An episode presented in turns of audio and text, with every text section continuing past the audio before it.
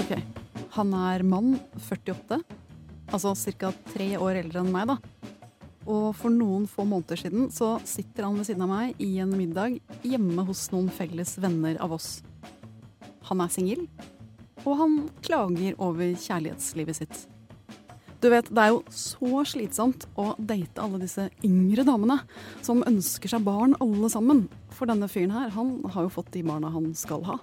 Og det er også slitsomt for ham å date kvinner som har barn. For de kvinnene må jo bruke masse tid på barna sine, så da blir det jo ikke nok tid til han. Og jeg er jo sånn forståelsesfull og hyggelig type, da. Jeg vil gjerne hjelpe, liksom.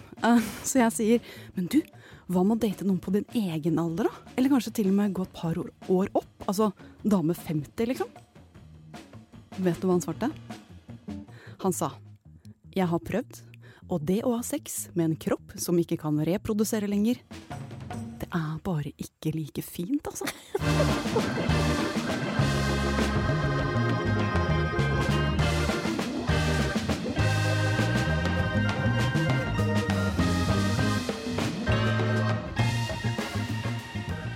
Og du Kristine, du som er min venn og ventilasjonskanal, hva tenker du om det svaret?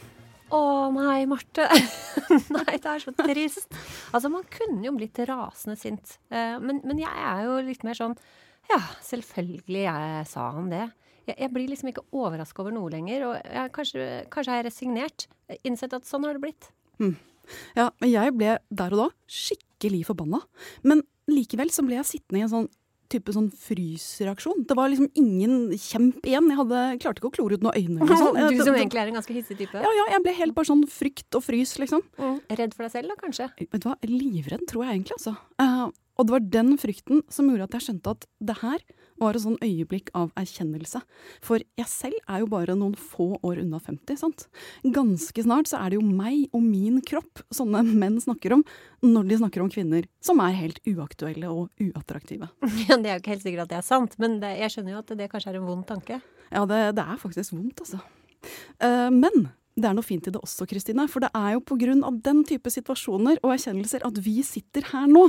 Altså, det er derfor vi sender denne podkasten 40 ut i verden. Ja, den eneste babyen du og jeg kan egentlig produsere, kanskje? Ja, I hvert fall nå. Ja. Og vi som kan produsere dette, da, eh, det er jo jeg, Marte Spurkland, 45. Eh, Kristine Hellesland heter jeg, og jeg er jo også 45.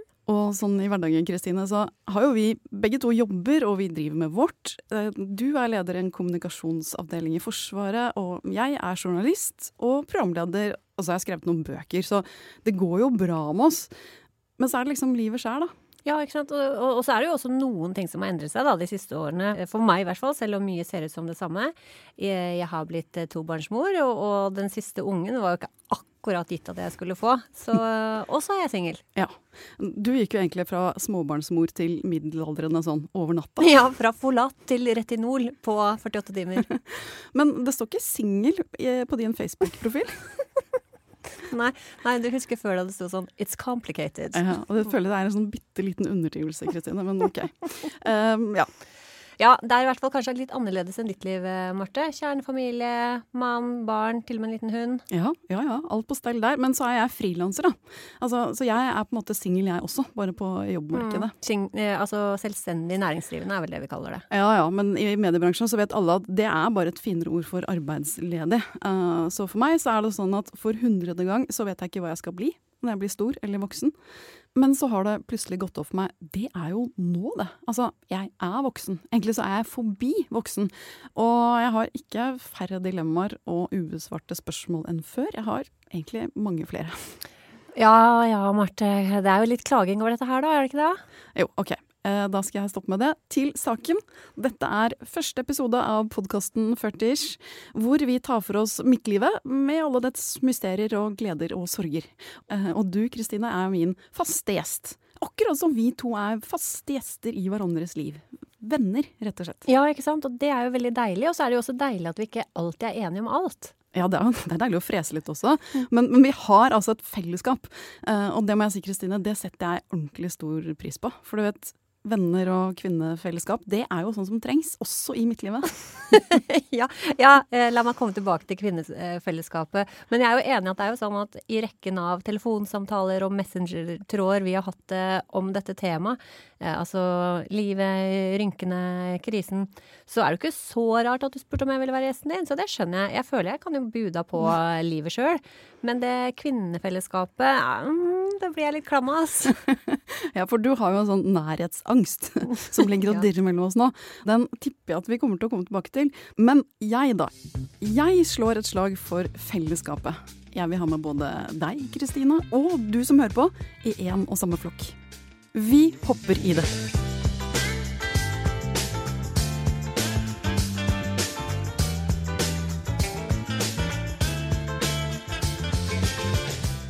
Vi blir aldri yngre, så er det ikke da rart at det å bli eldre, som jo på en måte er den eneste utveien, nærmest er et tabu, Marte? Jo, og så kan du bare stryke 'nærmest', for det er et tabu. Og det sitter dypt i oss som samfunn. Eh, kanskje starter det f.eks. i biologien. fordi at fra et rent biologisk ståsted da, så kan man spørre seg når kvinnekroppens funksjon endrer seg, når vi ikke er fruktbare lenger, hva skal man egentlig med oss da? Ja, ikke sant? Hva er vår rolle? Vi er jo ikke sexobjekter for min flotte middagskamerat. Men kulturelt også. På mange områder så er det jo fast og frisk ungdom som er idealet. Ikke middelaldrende kvinner. Så da må vi gjøre følgende mattestykke. Altså ta de fysiske egenskapene du mister, minus fallet i status ved at du ikke er ung og lovende lenger. Hva er det vi sitter igjen med da? Ja, ikke sant? Det er litt som å vandre i skammens usnakkede dal, da. Altså, jeg kjenner det på meg selv. Eh, ikke det at jeg var en gaselle da jeg var yngre, men, men, jeg har jo, da, som sikkert de aller fleste andre, hatt perioder hvor jeg liksom i større grad har kunnet innkassere på valutaen hot. kanskje, og kanskje ikke så mye i dag. Eh, I dag er jeg mer som den dalende pesosen, eh, rubelen, eh, som bare er stadig mindre verdt når børsene åpner. Og aldringens point of no return, overgangsalderen, det er jo noe som skjer. Eh, og det har veldig, veldig lenge vært på lista over ting som vi absolutt ikke snakker om. Ja, altså det syns jeg er så rart. Um, det, er er, det, er noe litt ubehagelig uh, med å snakke om det.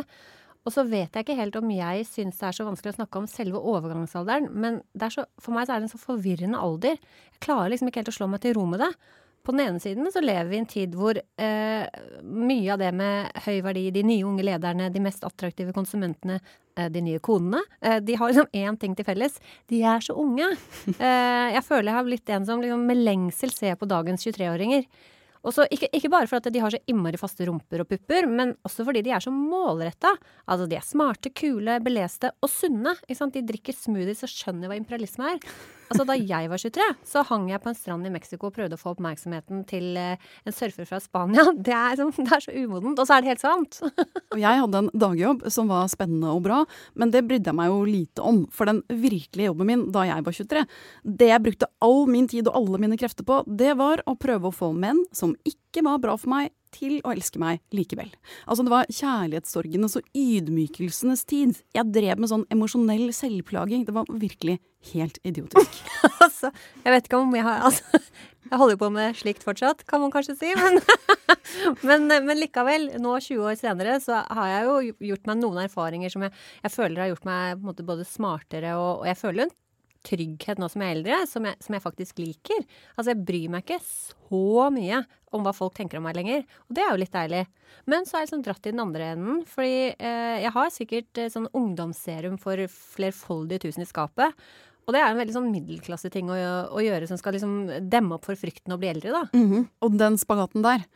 Det der at det er noen sider av aldring som vi aksepterer og verdsetter, typ erfaring er bra. Men den erfaringen den skal jo helst være pakket inn i en kropp og et utseende som ikke ser ut som den har noe erfaring. Du skal ikke se ut som du har vært ute alle de vinternettene vi faktisk har vært ute.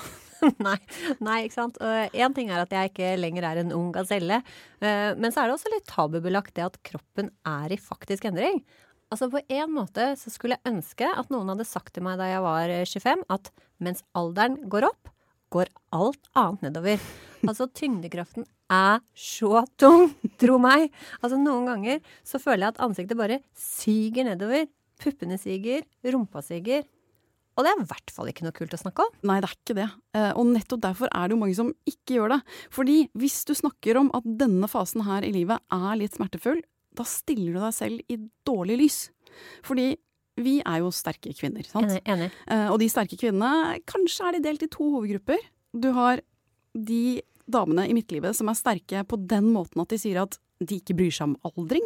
Det er litt sånn ja, det skjer, men det er naturlig, og jeg er fantastisk, selv med hengepupp og kråketær og ekstra midjefett. Mm. Og så har du den gruppa som heller ikke sier høyt at aldring svir, men som heller tenker at hvis jeg bare trener nok, hvis jeg bare følger en eller annen smart diett, eller hvis jeg begynner å faste, eller hvis jeg kanskje er pengesterk nok til å kjøpe de der skjønnhetsbehandlingene som skjuler den aldringen vi ikke snakker om, da trenger vi ikke å snakke om den heller. Og poenget mitt er, jeg tror det er flere som oss, Kristine, eh, som ikke er i de to ytterpunktene, men et eller annet sted i midten i midtlivet, og kjenner på voksensmertene. Med en N der, altså. Altså, jeg kjenner meg igjen i alle de gruppene, må jeg si. Altså, både det ene ytterpunktet og det andre. Så det er jo det som er så merkelig, da. Men, men akkurat nå, i det siste, Marte, så har det jo vært innmari mye snakk om det, da. Ja, for vi har jo hatt en aldri så liten tsunami av en debatt om eh, skjønnhetsbehandling versus kvinnehelse etter lanseringen av det som kalles da en ny skjønnhetssalong, eller en såkalt klinikk for estetisk medisin på Frogner i Oslo. Mm, og den ble frontet av eh, Vanessa Rudjord, Synnøve Skarbø og Pia Tjelta. Ja, og helgen etter at den nyheten ble sluppet, så var det sånn at alle som hadde krefter nok til å kreke seg bort til et tastatur, skrev kronikk, og folk publiserte tekster i alle sine sosiale kanaler og viste frem hvor flotte og stolte bilvrakskvinner de er. Men hva mener du om hele greia, da? Nei, jeg reagerte vel som de fleste andre. Jeg syns jo at det å bruke ordet kvinnehelse for å selge skjønnhetsbehandling var helt feil. Og jeg syns jo at hvis det er kvinnehelse som er viktig for disse kjendisdamene, så burde de satse på helt andre ting enn å fjerne aldringstegn. Uh, ja. Helt standard svar her, altså. Hva med deg?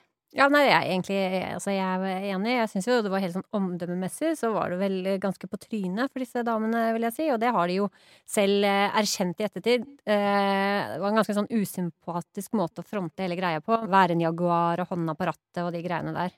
Ja, og så har de jo fått masse tyn, uh, disse damene, mens de mennene som faktisk er eiere og styremedlemmer i denne klinikken, da, de nevnes jo bare i bisetninger. De har ikke fått så mye tyn. For det er liksom litt mer vanlig, kanskje, at menn ca. 40 vil hjelpe kvinner ca. 40 å se litt yngre ut. Mm. Det er noe med at når alle løper i flokk og pisker de samme damene, så på et eller annet tidspunkt så syns jeg plutselig kanskje ikke det var så greit likevel. Jeg vet ikke. Altså, plutselig så leste i hvert fall jeg, da, debatten på en måte som gikk fra å være ikke bruk begrepet kvinnehelse om skjønnhetsinjeksjoner til noe av det som gjør noe med utseendet sitt. Og det vet jeg heller ikke om jeg syns er så raust mot uh, kvinner, da. Ja, skjønner. Eh, og jeg tror kanskje at eh, hva som er greit og ikke greit på det området her, det er vel et av de punktene hvor du og jeg aldri kommer til å bli sånn helt enige, Kristine. Mer om det i en episode der framme. Mer senere. Mer senere. Men for å sette den debatten her litt i kontekst, da, så kan vi jo se på hva som vanligvis sies om kvinners aldring. Fordi at også utenom Kvinnehelsegate så har det vært litt mer snakk om midtlivet i det siste. Det har vært TV-serier som Pernie og Better Things, det har vært standup-shows, Courtney Cox har postet en video hvor hun sier at overgangsalderen spiser deg levende og er grusom, og den videoen har hun fått én million likes på. Og Hillary Clinton er visst nå med i en ny sånn Apple Pluss-serie og forteller hvordan hun var i overgangsalderen under Bills andre presidentperiode og måtte skjule alle symptomene sine. Mm, og det er jo litt gøy, da, at det sant, plutselig syns. Men, men, du tenker vel fortsatt også at uh, det er noen sider som det ikke snakkes så mye om? Ja, ja, absolutt. Uh, jeg mener at det er noen temaer som ikke er helt stuerene. Nemlig den emosjonelle, og kanskje til og med eksistensielle biten av det. Um, husker du det bråket rundt hun Åsa Lindeborg i fjor? Nei, jeg aner ikke hvem det er engang. Jo, jo, jo. Altså, hun er jo sånn svensk historiker og forfatter og samfunnsdebattant. En type dame som kommenterer og analyserer og blir invitert til media stadig vekk. Og så er hun med i den podkasten Norsken, svensken og dansken. Ja, og hvor gammel er hun da? Hun er 54. Og i fjor høst så skrev hun i en kronikk at hun ikke syntes det var like gøy å være gjest i TV-programmet lenger, fordi ansiktet hennes ikke ser ut sånn som det pleide å se ut for noen år siden. Ja, men det, er litt som deg da, Marte. Du er jo også veldig opptatt av de der pannerynkene dine for tiden. Du, du er litt sånn mistenkelig fri for linjer i panna akkurat nå, Kristine. Men Du vet, noe smerte, det kan man faktisk kjøpe seg ut av. Mhm. Iallfall midlertidig. ja. Men, men hva var det du skulle si? Nei, altså tilbake til Åsa Lindeborg og den kronikken hennes. Overskriften var 'Skammen over at ansiktet henger'. Og så skriver hun da videre om at halsen er slappere, håret er tynnere, og etter at hun har vært på TV, så får hun e-poster fra folk der ute som sier til henne sånn 'Nå begynner du å bli gammel, Asa'. Ah, så hun turte å klage litt. Ja, men hun tegnet også det større bildet. Hun sa å akseptere aldringen blir spesielt vanskelig når omgivelsene heller ikke gjør det. Mm. Og da fikk hun høre det, da, eller? Ja, det fikk hun. Fordi kvinner som klager over at utseendet endrer seg ved aldring, de trekker liksom andre kvinner med seg ned i søla med det samme. Men mener du at hun var illojal, da, eller? Ikke jeg, men ganske mange mener åpenbart det. Fordi den smerten her, den holder vi jo munn om. Eh, ikke sant? Kvinne 40 kan snike seg inn på estetiske klinikker og fikse rynkene, men det skjer i absolutt stillhet, og det skal helst ikke synes at de er behandlet etterpå. Eller kvinne 40 avviser blankt at endring smerter, og sier sånne ting som at eh, 'jeg elsker hver eneste rynke, for de viser hvor rikt liv jeg har levd'. Altså, jeg føler at nesten uansett eh, hva du gjør på disse to ytterpunktene, så blir det feil. Det er akkurat som, det, det, det er akkurat som at den norske idealen middelaldrende kvinnen, det er hun som går tur i skogen, eh, har friske roser i kinnene og smiler bredt med de rynkene hun har. Og jeg er jo for eksempel ikke så innmari glad i å gå i skogen. Nei, jeg ser deg ikke så ofte i nikkers, jeg skal innrømme det. Nikkers har jeg, da. Har du? Ok. Ja, men eh, hvis du som Åsa, da, eller som kvinne, sier høyt at det gjør vondt når kroppen endrer seg, og du mister noen av de tingene du har hatt før, hvis du viser den type svakhet, da er du en sviker mot alle andre sterke kvinner også. Ja, fordi sannheten er at det er det indre som teller, og fordi sterke kvinner ikke skal bry seg om det utenpå. Ja, noe sånt. Eller liksom Jesus, hvite middelklassekvinner som klager over livet sitt. For et ilandsproblem. Det er veldig mye annet som er mye viktigere. Skjerpings, liksom. Jeg er jo enig i det òg, da, på et vis. Jo, jo, jo.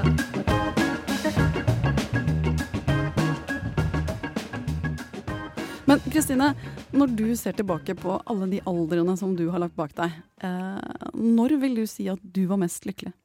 Å ja, skal vi se Altså, det er rart at det på en måte er et så lett spørsmål å svare på. Eh, for det, det, det er det. Sånn umiddelbart så tenker jeg det var da jeg var 19, og da jeg var 37. Og for meg så står 19 eh, omtrent sånn Altså, jeg, jeg sitter i baksetet av en bil i USA med fire venner, hørte på The Cure, Friday I'm in love. Det var sol, det var sensommer. Jeg husker jeg bare fikk en følelse av at alt, absolutt alt i verden er til meg, for meg og mulig. Altså en slags sånn endeløs solnedgang. Mm, ja. Um, og så 37, det er kanskje litt mer sammensatt, men, men da hadde jeg også en sånn følelse av at uh, jeg naila livet. Jeg hadde jobb, unge, lav BMI. Eh, samtidig så følte jeg at verden liksom fortsatt lå foran meg. Og så nå, midt i 40-åra, jeg vet ikke, ass. Ja, noen ganger så har jeg lyst til å bare banke opp de optimistiske versjonene av meg selv. Som jo er en veldig sånn rar ting å ville. Men ja, du da? Nei, ganske likt, egentlig. Jeg tror et toppunkt for meg da jeg var sånn 18-19. For da var jeg ung voksen og møtte verden liksom usminket og naturlig og med masse fremtidshåp. Jeg hadde liksom ikke fått meg noen smeller ennå. Jeg syns jeg skjønte alt, jeg mente masse. Jeg var sånn modig og ustoppelig og kunne få til hva som helst, egentlig. Og så kom jo de der 20-åra, da, og korrigerte det meste av det her. Um, og så tror jeg at neste lykkepunkt var sånn 34. Da syns jeg livet var skikkelig på plass. Da var det mann og barn og jobb og alt bra. Uh, og samme optimisme som deg. Herfra går det virkelig bare oppover. Ja, det, så, så like, da hadde vi det ganske likt da, Marte. Men Mhm. er det sånn for alle andre også, tror du? Eh, artig at du skulle spørre om det, Kristine. Fordi at jeg har nemlig lest litt om folks gjennomsnittslykke gjennom livet. Ja, det tenker jeg du har. Du elsker jo å lese det forskningsstudier, Marte. Jeg personlig liker jo bare best eh, overskriftene. Ja, der har du oss. Der har du oss. Ja, hva har du funnet ut nå, da? Jo, altså, eh, lykkeforskning det er det jo mange som driver med over hele verden. De måler og kartlegger når i livet folk føler seg mest og minst lykkelige. Og i 2020 så kom det en amerikansk studie fra The National Bureau of Economic Research som da sammenligna data fra lykkeforskning gjort i 132 land over hele verden. Altså både u-land og i-land og over 500 000 respondenter. Så svære greier. Og hva fant de ut om ølken? Jo, altså de fant at når det da ikke er pandemi eller krig eller andre store omstendigheter, da kan lykke gjennom livet tegnes som en slak U. Og så er vi mest lykkelige på toppen av U-en når vi er unge, og når vi har kommet opp igjen og blitt gamle. Og så er vi minst lykkelige nederst, da, på bunnen av Altså U-en. på bunnen av U-en, da, er da er vi mest ulykkelige. Mest ulykkelige. Og hvor gamle er vi da? Ja, da er vi midt i livet, da. Altså, I vestlige land så er vi da i gjennomsnitt 47 år. I de landene som vi liker å sammenligne oss med også. Og i utviklingsland 48,2 år. Åh, så nedslående. ja, Så du vet jo hva den betyr, Kristine. Du og jeg, vi nærmer oss. Vi har bare et par år igjen. Eh, og så går det an å si at lykkeforskning er litt tøysete, og med så mye som har skjedd siden 2020, så kan det jo være at folk flest vurderer lykke helt annerledes nå. Altså, lykke er å ikke ha krig og energikrise og klimakrise på en gang. Dusje lenge i varmt vann uten dårlig samvittighet. Åh, ja. Eh, Men ut fra eksisterende forskning da, på alder og lykke, så kan vi si at vi nærmer oss bunnpunktet for lykken. Men hvorfor er vi så ulykkelige midt i livet? Nei, altså Forskerne vet jo ikke helt det, men de tror kanskje det handler om den der følelsen av at er dette alt? Altså, jeg har oppnådd alt jeg drømte om da jeg var ung, og så føles det ikke bedre enn dette. Men uh, han som ledet den amerikanske studien, han kunne jo da også fortelle at forskere finner midtlivskrise hos sjimpanser også. Altså, De sitter der på sin grønne gren og depper, de òg. Så dette her kan være noe som ligger skikkelig dypt i genene våre, og har vært i oss mennesker så lenge som vi har vært mennesker. Jeg finner veldig trøst i den sjimpansen, merker jeg. Og, og det, det var på en måte også litt godt å høre at eh, da er det ikke kanskje bare jeg da, som er en bortskjemt, eh, rik liten oljepike, mm, som aldri blir tilfreds. Nei, kanskje ligger det i oss. Nei, ja. Eh, For meg også, for det er helt naturlig å kjenne eksistensiell smerte ved å bli eldre. Ja, Eller en slags midtlivskrise, da, som andre kanskje ville kalt det. Ja, du syns det var mindre pompøst? ja, ok. Midtlivskrise, det funker det òg. Men så tenker jeg at du kaller jo ikke akkurat tenåringers pubertet for en ungdomskrise. Så da velger jeg heller å si at jeg kjenner litt eksistensiell smerte akkurat nå.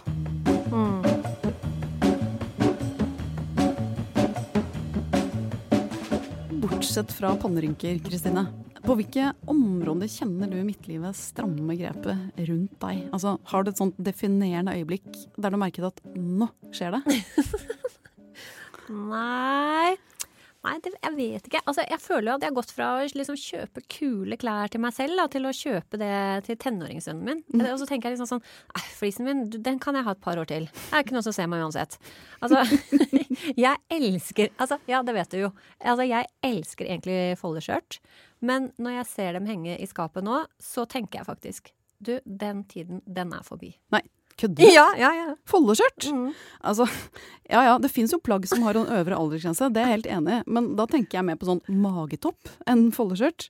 Altså, må jeg gi mine foldeskjørt også på Ja, loppis? ja, ja, faktisk. Jo, det er faktisk en tid for alt. Uh, og min tid i korte eh, foldeskjørt med en eh, T-skjorte med M&M eh, på, på magen, den er dessverre over. Ja, ja. Uh, når jeg tenker på alle de gangene hvor jeg har stått i en butikk de siste åra med sånn skikkelig fint plagg i hånda som jeg har veldig lyst på, og så har jeg kanskje skjønt at min kroppsform og denne kjolen da, passer jo ikke sammen nå lenger. Det gjorde det en gang, men, men ikke nå. Eh, men ganske ofte så kjøper jeg den kjolen likevel, da, i et slags håp om at mirakelet skal skje. Eller kanskje i en slags fornektelse, egentlig. Og så blir den bare hengende der i skapet til jeg innser at ah, det kommer jo ikke til å skje. Eh, og så går den på loppis, da. Ja, ja. Altså istedenfor loppis. Jeg har begynt å spare. Altså under, eh, under overskriften 'Det kommer generasjoner etter meg'. Det er type 'Tider skal en rulle', videre. Mm. Du er så flink, Kristine. Du har mitt gjenbruksforbilde.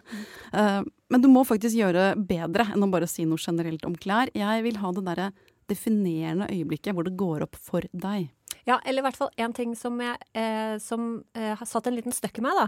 Det er eh, En morgen så var jeg på vei til jobb, og det er jeg jo hver dag. Mm. Eh, og da går jeg forbi sant, mange store butikkvinduer eh, hvor jeg liksom innimellom kikker inn, innimellom ser jeg på en kåpe, og innimellom ser jeg på meg selv. Ikke sant? Du vet du møter blikket ditt eh, fra, fra glasset. Speilbildet, rett og slett. Speilbildet, ja, ikke sant? Så jeg ser meg selv haste av gårde. Mhm.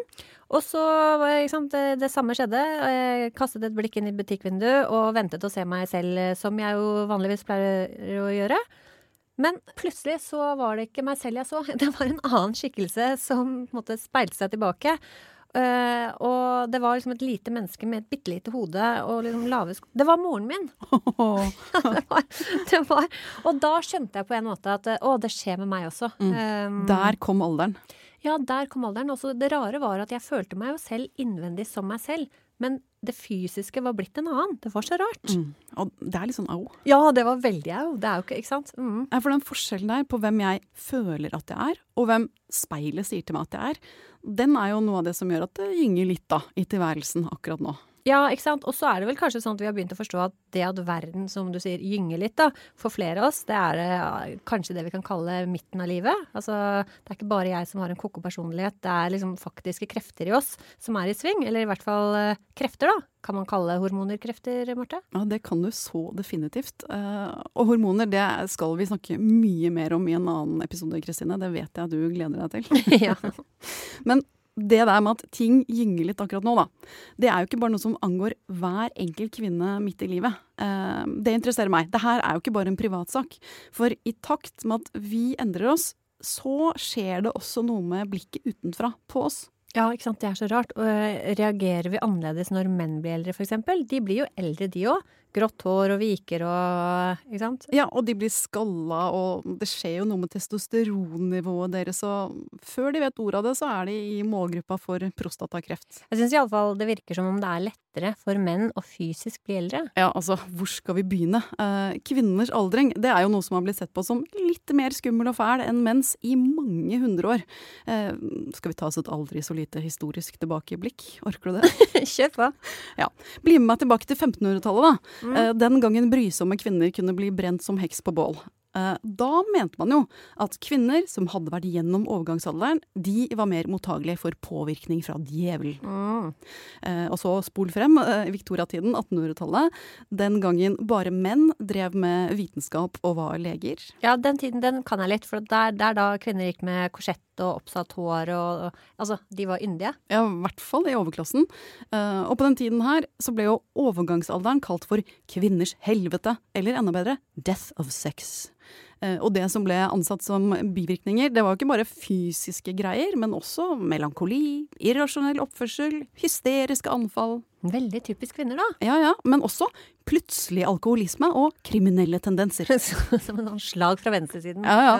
Kleptomani og overgangsalder, butikktyv. Eh, det ble du når, du når du kom i den alderen. Eh, når mensen slutter, da begynner vi kvinner å stjele. Og disse, hva, hva, tenkte legene da om dette her på den tiden? Nei, altså, En av de såkalt medisinske ideene fra den tiden her var at når kvinner slutter å blø fra underlivet, da har ikke det blodet noe sted å gjøre av seg lenger. Det blir inni kroppen og blir til en sånn svart masse inni kroppen vår og forgifter den. Ødelegger den, rett og slett. Yes. Ja. Så da mente de at en livmor som ikke virker lenger, som ikke blør og ikke kan reprodusere, den påførte kvinnen så store fysiske og psykiske problemer at man like gjerne kunne ta og skjære den ut. Det var en sånn skotsk eh, kirurg på 1800-tallet som utførte noe sånn som 200 livmorfjerninger, og drepte ikke mindre enn 89 kvinner underveis. Ja, nei, hva kan man si da? Altså heldigvis så har jo noe endra seg da, fra 1500- og 1800-tallet til i dag. Vi er ikke hekser og plutselig gærne lenger, men, men, men, det vel, men, det er vel, fortsatt sånn at menn midt i livet har en viss høyere status enn kvinner? Ja, altså skal vi se til jobbmarkedet, skal vi se til sjekkemarkedet, um, har kvinne 40-ish like gode sjanser som mann 40-ish? Altså, for å vende tilbake til min nydelige sidemann fra den middagen.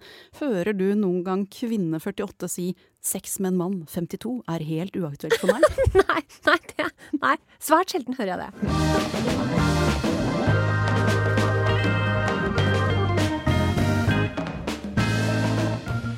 Ja, da nærmer vi oss slutten av denne 40-ish-episoden, Kristine.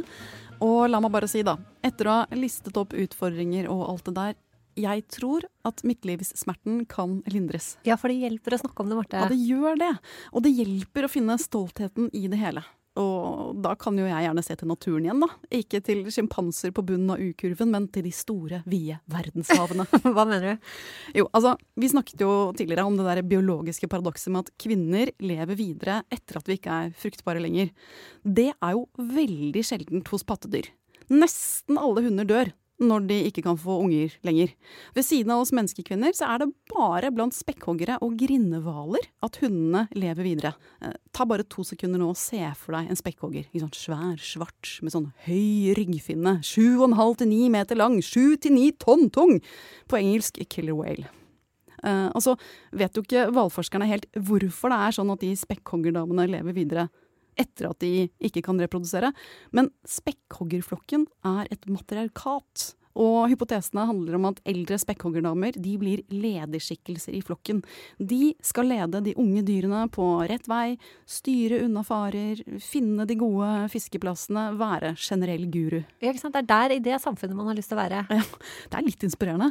Um, og de spekkhoggerdamene her, da, de har jo ikke akkurat mulighet til å kjøpe serum som skal glatte ut skinnet, eller ta Botox. De bare glir rundt ute i havet der og gjør det de er best på og de har høy status i flokken. Yay, så det du sier er bli mer som en spekkhoggerdame. Og for min del kanskje liksom minus BMI-en, da. Siden det er tilbakevendende tema i mitt liv. ok, poenget mitt, da. Når vi menneskedamer lever videre etter at vi ikke kan skape liv fra vår egen kropp lenger, da er det en mening med det også. Vi skal også gli rundt i livet og gjøre det vi er best på. Og vi skal jekke opp statusen vår og være stolt av det. Jepp, hør, hør. Ja. Og det er jo egentlig derfor vi sitter her, da. Vi skal fremover ta for oss de store 40-temaene. Vi skal snakke om det tabubelagte, og vi skal dempe voksensmertene. Å, jeg blir så svett når du lover for mye, Marte, men uh, OK. Ble du redd for store ord igjen? ja. OK. Vi kan ikke love store løsninger på alle spørsmål, fordi vi er jo ute i dette vindfulle 40-havet og kaver litt, vi også. Men i det minste så kaver vi sammen.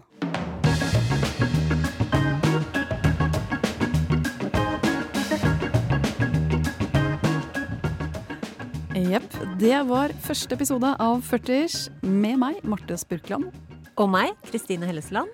Og til innholdet i denne episoden har vi brukt følgende kilder. Helse-Norge, SNL, polar.no, New York Times, Daily Mail, positivepost.com, grandsnet.com, people.com, forskning.no og selvsagt Aftenposten.